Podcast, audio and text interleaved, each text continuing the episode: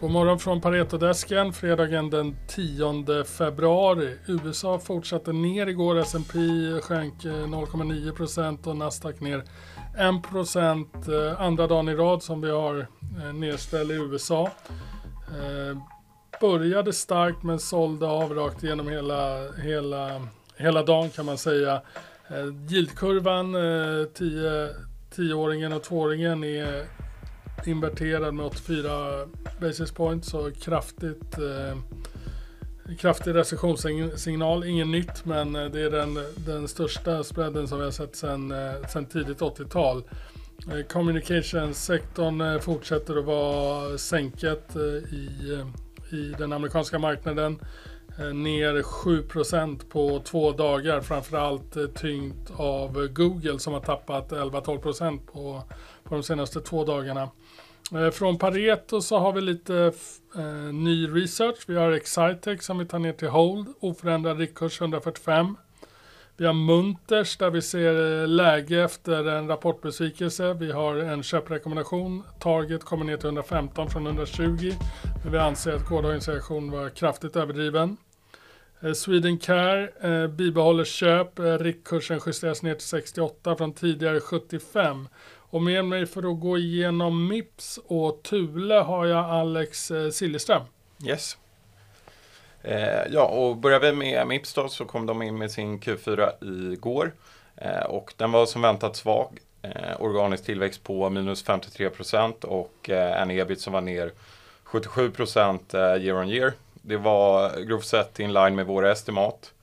Eh, och för helåret då så summerar man en organisk tillväxt på minus 20 procent och ebitda som är ner drygt 30 procent.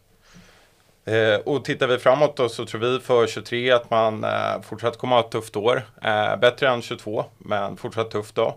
Eh, med en eh, organisk tillväxt på drygt 8 procent och en ebit som kommer upp runt 15 procent. Och eh, vi tror egentligen att Sports eh, kommer ha det kämpigt på grund av eh, Eh, ja, obalanserna i lager vad gäller cykelhjälmar medan Motosafety egentligen eh, driver eh, tillväxten.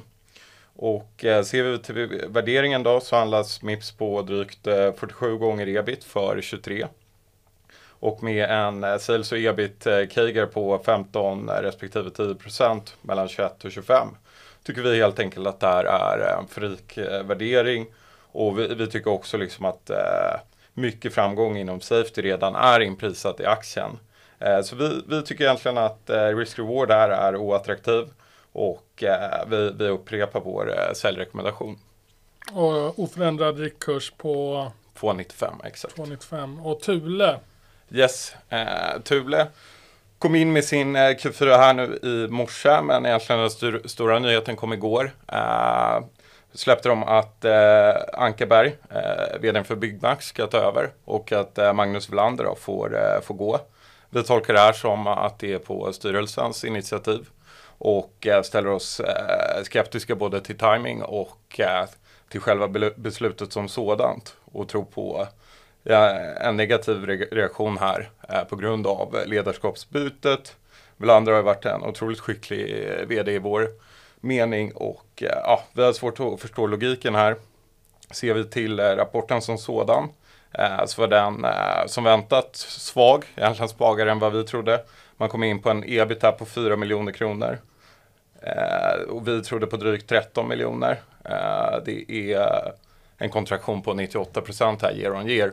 Och man upprepar egentligen guidance här om att det kommer vara några tuffa kvartal framöver och att osäkerheten är hög. Vi själva tror att man kommer få bättre visibilitet vad gäller demand i slutet på Q1 när säsongen har eh, dragit igång och eh, vi är egentligen neutrala till den här aktien då och att eh, target price på eh, 240 kronor. Mm. Tack Alex. Eh, vi har även, eh, släpper även en rapport på Hexatronic. Där är stämningen lite eh, mer positiv. Riktkursen åker upp till 215 från tidigare 175 efter ett starkt avslut som rapporterades igår. Q4 var riktigt bra, organisk tillväxt fortsätter, man kommer få hjälp av redan genomförda förvärv och ett som är precis i, i slutskedet att, att slutföras, Rochester Cable i USA.